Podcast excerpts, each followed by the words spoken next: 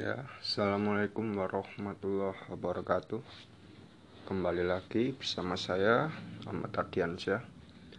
Kali ini saya akan membahas mengenai Euro Yang sudah sampai di 16 besar. Ya tentu 16 besar sudah semakin dekat ke final ya. Saya sebelumnya mohon maaf karena kemarin-kemarin tidak bisa mereview karena kesibukan. Saya juga sedang sakit. Sakit kepala ya sedikit saja. Tapi kali ini saya akan coba bahas sesuatu yang seru ya. Saya akan bahas 16 tim yang masuk ke 16 besar. Ya semuanya ya termasuk tim besar dan tim-tim kecil uh, sesuai urutan saja ya. Di grup A ada Italia, ya, ada Italia, Swiss dan satunya Wales ya. Untuk Italia memang ya permainannya bagus ya. Eh, Italia itu ya kalau menurut saya hmm, mereka punya kelebihan di kekompakan karena saya melihat tim ini jarang itu ya individunya jarang jarang sekali untuk menggiring bola atau mengolah bola ter maksudnya terlalu lama memegang bola. Itu Italia tidak ya tidak dalam kategori itu. Mereka lebih kepada kerjasama ya banyak umpan-umpan pendek juga ya satu hal lagi Italia tuh kelebihannya dari beberapa tim ini mereka itu melakukan pergantian posisi yang begitu baik. Di mana ketika misalnya di sayap kirinya Insigne ya lalu striker tengahnya Immobile itu bisa bertukar ya. Begitu pula dengan sayap kanannya yakni Berardi itu bisa bertukar-tukar ya. Itu susah teman-teman kalau tidak dilatih. Biasanya itu strategi yang bagus buat membingungkan back lawan ya. Utamanya yang pakai man to man marking karena man to man itu kalau biasanya man to man itu menjaga itu teman-teman orang ya. Jadi kalau orangnya diganti ya mulai itu. Ya ganti juga itunya. Ganti juga situasinya ya. Jadi akan lebih sulit. Nah Italia punya kelebihan itu ya. Kerjasama dan pergantian posisi yang bagus. Tapi tempo mereka itu ya lambat. Saya tipe yang standar saya itu tidak terlalu suka dengan tim yang bermain lambat ya karena ya mereka harusnya akan sulit kalau ketemu tim cepat. Itu dari segi strategi ya. Dari segi skor ya tidak semudah itu ya. Kadang-kadang ada tim cepat yang mengalahkan tim lambat dan sebaliknya tim lambat bisa menang melawan tim, melawan tim cepat. Tapi secara garis besar tim yang lambat itu akan itu ya kesulitan melawan tim cepat ya jadi Italia mungkin ini itu ya akan jadi pelajaran ya. Saya punya feeling Italia akan kalah melawan tim cepat ya kayak ya Jerman mungkin. Terus tim cepat lain Belgia juga ya Spanyol bisa dan Inggris. Tapi ya Inggris kurang ya Inggris itu ya senat saja. Nah selanjutnya eh, di grup A itu selain Italia tiga tim ya grup A yaitu satunya siapa ya? Oh iya Swiss dan Wales. Wales itu kemarin kalah ya 4-0 dari Denmark. Itu laga pembuka dari 16 besar ini. Ya memang layak ya. Wales itu mainnya terlalu banyak bola lambung yang tidak perlu ya bola lambung itu seharusnya bukanlah jadi opsi utama tapi Wallace melakukan hal itu dan mereka layak untuk itu tidak lolos. Karena bola lambung itu juga di bawah standar saya ya karena itu strategi yang terlalu berjudi ya.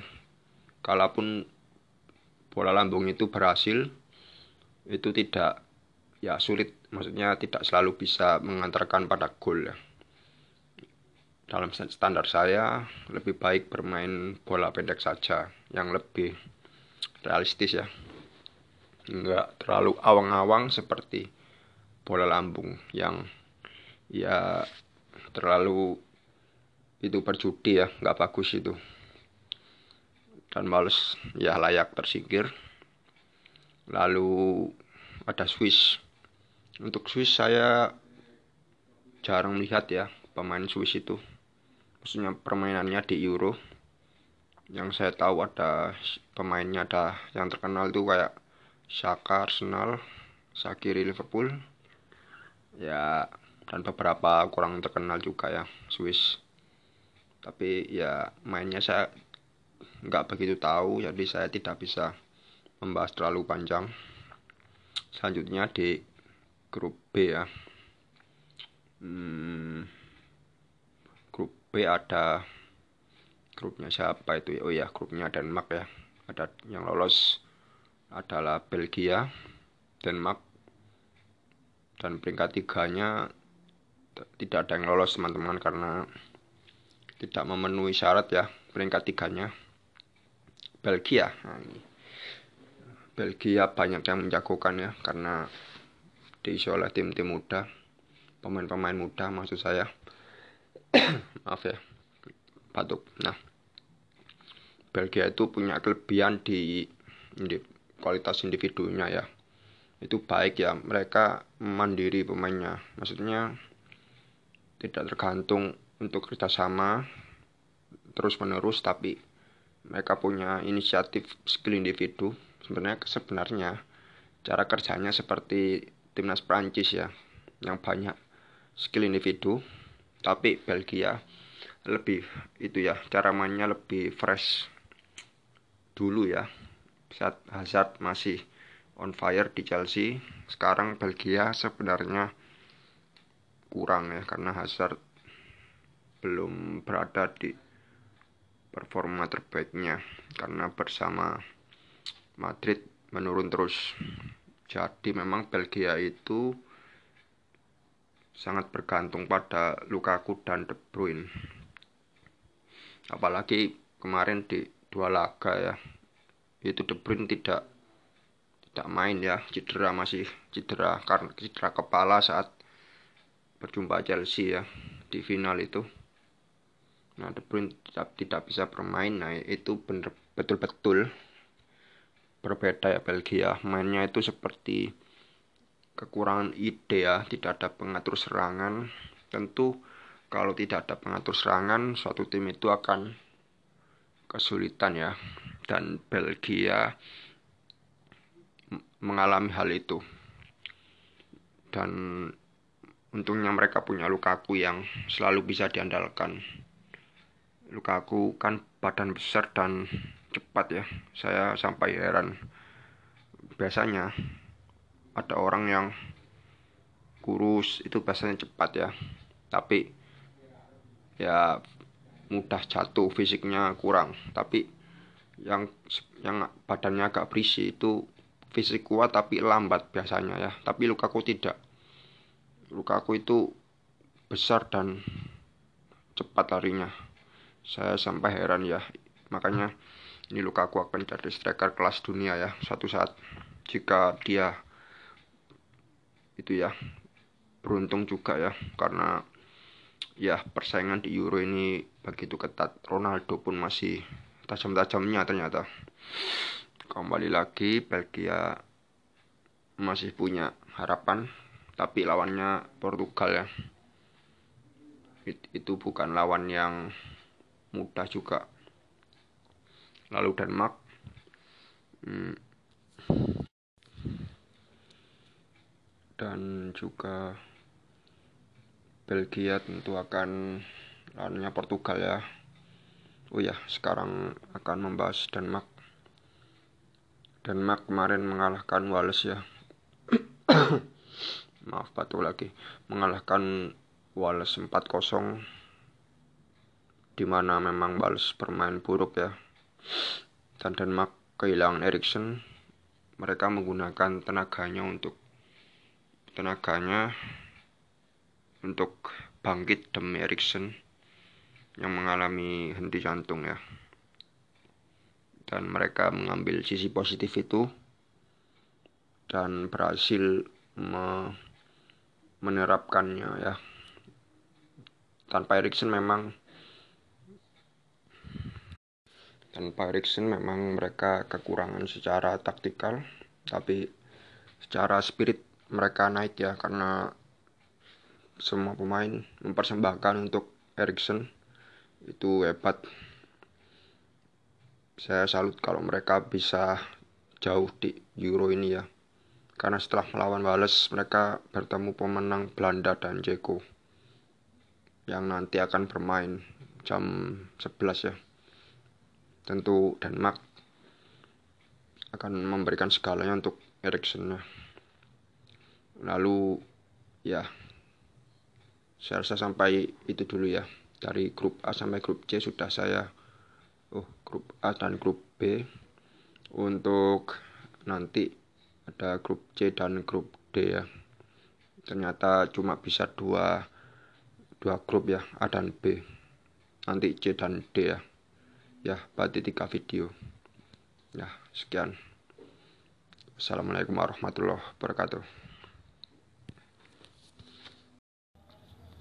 Assalamualaikum warahmatullahi wabarakatuh Kembali lagi bersama saya ya Kali ini saya akan mereview kembali Euro 2020 Antara Belgia melawan Portugal yang berakhir dengan skor 1-0 untuk kemenangan Belgia.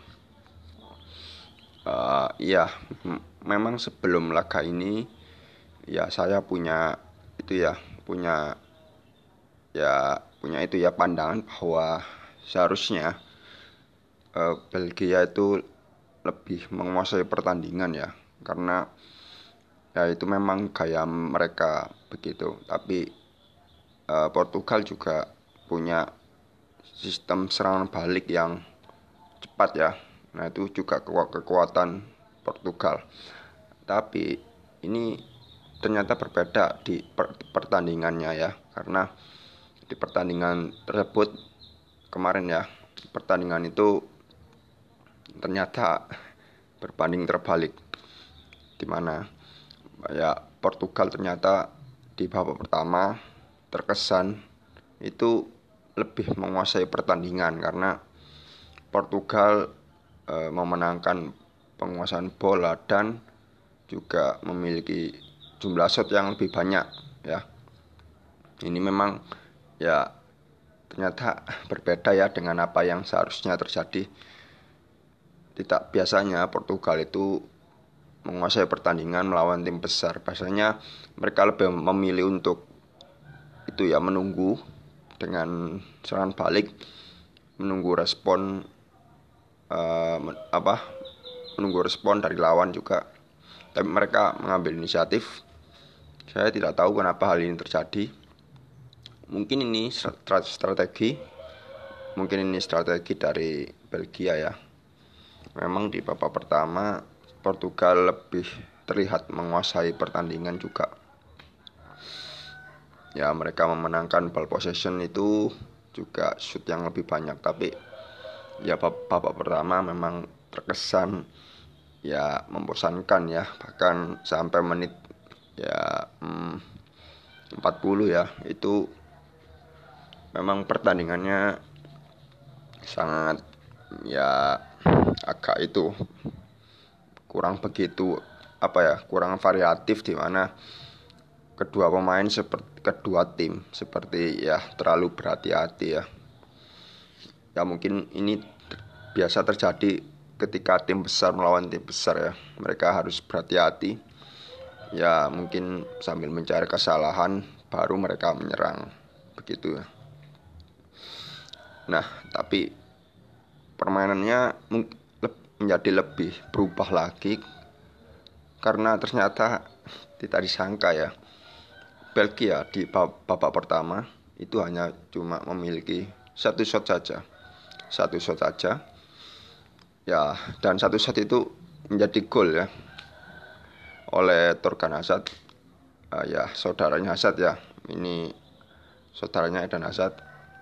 Torgan Hazard ini adiknya Eden Hazard ya. Ya dan golnya memang ya memang bolanya itu ya. Tendangan jarak jauh dari Torgan ini. Itu memang kencang sekali ya. Karena ternyata kalau saya lihat tank ulang itu ya bolanya seperti melengkung ya seperti tendangannya Ronaldo ya. Kalau tendangan bebas tiba-tiba eh, bola itu sebenarnya konstan lurus ya. Tapi seperti tenang seperti tendangan Ronaldo di tendangan bebas itu bolanya ketika mendekat kiper ternyata semakin menyimpang ya. Maksudnya tidak lurus lagi dia berbelok sedikit. Nah itu itu memang bola sulit teman-teman ya. Memang terkesan ini kipernya agak sedikit lambat ya mengantisipasi tapi bukan ya. Kipernya sudah betul ya dalam menepis. Memang terkesan mudah teman-teman. Tidak terlalu jauh. Kipernya ya mungkin bisa ya. Kalau kipernya mungkin lebih lincah sedikit dan jangkauannya lebih lebar sedikit saja itu bisa untuk mendapatkan bola ini. Tapi ya kembali lagi ya ada dua faktor di gol ini. Bolanya kencang dan ini bukan tendangan biasa ini kenakel teman-teman ya. Tendangan kenakel yang biasanya itu didapat oleh dilakukan Ronaldo ya tendangan, tendangan bebas. Rashford juga pernah melakukan tendangan ini. Ini bola sulit teman-teman. Ini benar-benar kiper yang itu ya. Ya kiper mana pun akan sulit kalau mendapatkan hmm, tendangan seperti ini ya. Karena bolanya tiba-tiba berbelok itu sangat itu ya sangat membunuh ya tendangan seperti itu, itu sulit untuk kiper. Dan memang ya memang saat Torgan melakukan tendangan ya penjagaannya sangat kurang ya. Mungkin mereka Portugal juga tidak mengira bahwa tendangannya seperti itu ya. Dan ya dan gol itu pun terjadi 1-0 di babak pertama ya menit menit berapa itu ya 43 mungkin ya. Jadi dua menit sebelum waktu normal berakhir waktu normal babak pertama 45 menit. Ya dan di babak kedua setelah Belgia unggul 1-0 laga lebih berjalan lebih seru walaupun juga masih agak-agak ngambang ya. Mungkin ini pertandingan secara secara permainan mengecewakan ya teman-teman karena ya itu panasnya baru di akhir ya. Menit 75 itu baru saya melihat saya terkesan dengan permainan kedua tim bahwa kedua tim ini ya akhirnya saling menyerang ya dan menjurus ke keras-keras juga ya mulai emosi mulai naik di mana beberapa pemain mulai mengadu fisik ya itu benar-benar saya suka ya kalau hal itu terjadi. Nah, nah kembali lagi ya setelah Portugal ketinggalan ketinggalan satu kosong ini Belgia memang itu ya masih ya masih juga masih mencari bentuk permainannya. Portugal juga ya demikian. Tapi di babak kedua juga hmm, Portugal ya ternyata masih juga masih memegang permainan teman-teman ya cuma di sini Belgia lebih leb, apa karena skornya ini berubah ya permainannya pun juga berubah dengan skor 1-0 itu biasanya tim yang unggul. Ya mereka akan lebih nyaman tidak akan tertekan karena mereka memiliki skor yang lebih tinggi ya dan yang tim yang ketinggalan. Itu biasanya akan lebih terbuka ya dan memang di sini Belgia lebih apa ya lebih tidak seperti biasanya. Mereka se sepertinya ya sepertinya kalau menurut saya mereka memang se sengaja untuk melepas bola ya karena mereka mungkin khawatir juga dengan serangan baliknya Portugal yang cepat-cepat itu ya seperti Jota, Bernardo Silva dan Ronaldo yang sangat cepat juga. Nah ini Belgia lebih menjadi tim yang menunggu menunggu Portugal ya. Nah, babak kedua juga sama. Itu masih kedua tim mencari bentuk permainan ya. Bayang bayangkan ya pemirsa. Jadi sampai menit ya menit 1 sampai 65 itu masih mencari bentuk permainan ya kedua tim itu. Ya, ya maksud saya masih ya masih kurang menggigit untuk uh, untuk duel big match ya duel duel tim besar itu ini membosankan teman-teman ya nah tapi Portugal juga melakukan pergantian pemain yang lumayan ya mending untuk Portugal karena kualitas serangan mereka lebih menggigit lebih banyak shot ya. Ada tendangan Guerrero yang mengenai tiang. Itu kalau gol gol yang bagus karena bolanya mocok ya walaupun agak tricky juga bolanya karena melintir. Dan juga di sini Courtois kiper dari Belgia cukup bagus melakukan penyelamatan krusial.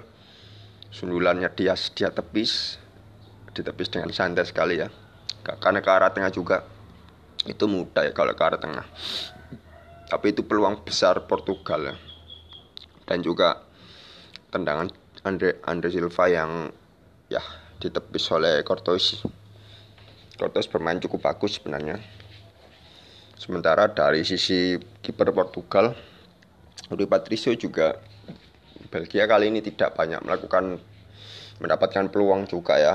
Sepertinya mereka kesulitan menghadapi Portugal ini ya karena mungkin pendekatannya yang agak salah ya. Tapi untungnya memang Belgia punya pertahanan yang bagus ya karena banyak banyak serangan Portugal itu peluangnya bukan peluang matang teman-teman. Peluangnya itu setengah-setengah saja. Ya itu biasanya setengah peluang itu ya lebih sulit ya, ya harus uh, peluang matang juga yang harus harus didapat. Tapi jarang sekali ya Portugal mendapatkan peluang itu. Hmm, ya Portugal melakukan pergantian pemain. Ya cukup efektif, lebih baik ya. Joe, Felix masuk, lumayan bagus, menambah energi untuk Portugal. Belgia juga uh, baru tidak melakukan oh ya melakukan pergantian pada menit 90-an ya untuk membuang waktu. Dan yang seperti saya bilang bahwa tensi laga ini itu mulai naik ya, mulai meninggi itu menit 75 ke atas di mana ya mulai beradu fisik ya. Dimulai dari Lukaku dan PP yang mulai panas ya sampai dipanggil oleh wasit dari Jerman ya. Felix Bridge. Wasitnya adalah dokter ya teman-teman. Dokter Felix Bridge. Ya wasit dan dokter menjadi satu ya. Ya cukup keren sekali. Ya dan permain fisik menit 75 ini seru ya dan tensi mulai naik. Kedua uh, Portugal menyerangnya sudah sporadis ya sampai nyaris terkena dua satu hingga dua gol ya Portugal. Karena karena mereka sudah tidak peduli tidak terlalu peduli pertahanan sudah fokusnya itu bagaimana mencetak gol ya. Sehingga banyak sekali celah-celah terbuka di Portugal ya. Ya, jadi memang menit 75 itu mulai panas teman-teman. Banyak adu fisik ya. Sampai iya, sampai sedikit ada cekcok juga ya. Menit berapa itu sampai semua pemain semua pemain sampai melerai ya. Bruno Fernandes juga gitu ya. Ternyata temperamen temperamennya memang cukup tinggi ini pemainnya.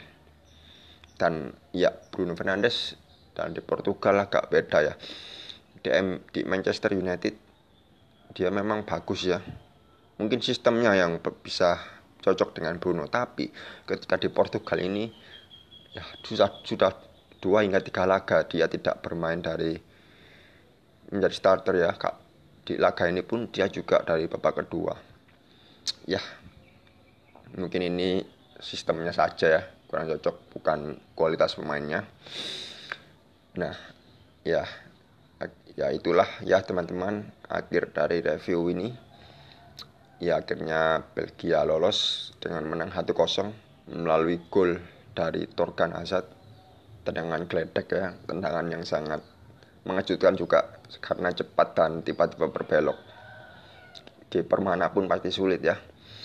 Dan ya Belgia akan melawan melawan ternyata lawannya Italia teman-teman. Ini akan jadi seru ya Italia yang punya kekompakan yang bagus pergantian posisi pemain yang cair melawan Belgia yang ya Belgia yang banyak pemain muda yang uh, itu ya mencapai performa puncaknya ya seperti Lukaku, baru De Bruyne, Has, Eden Hazard juga. Ya itu akan jadi seru ya.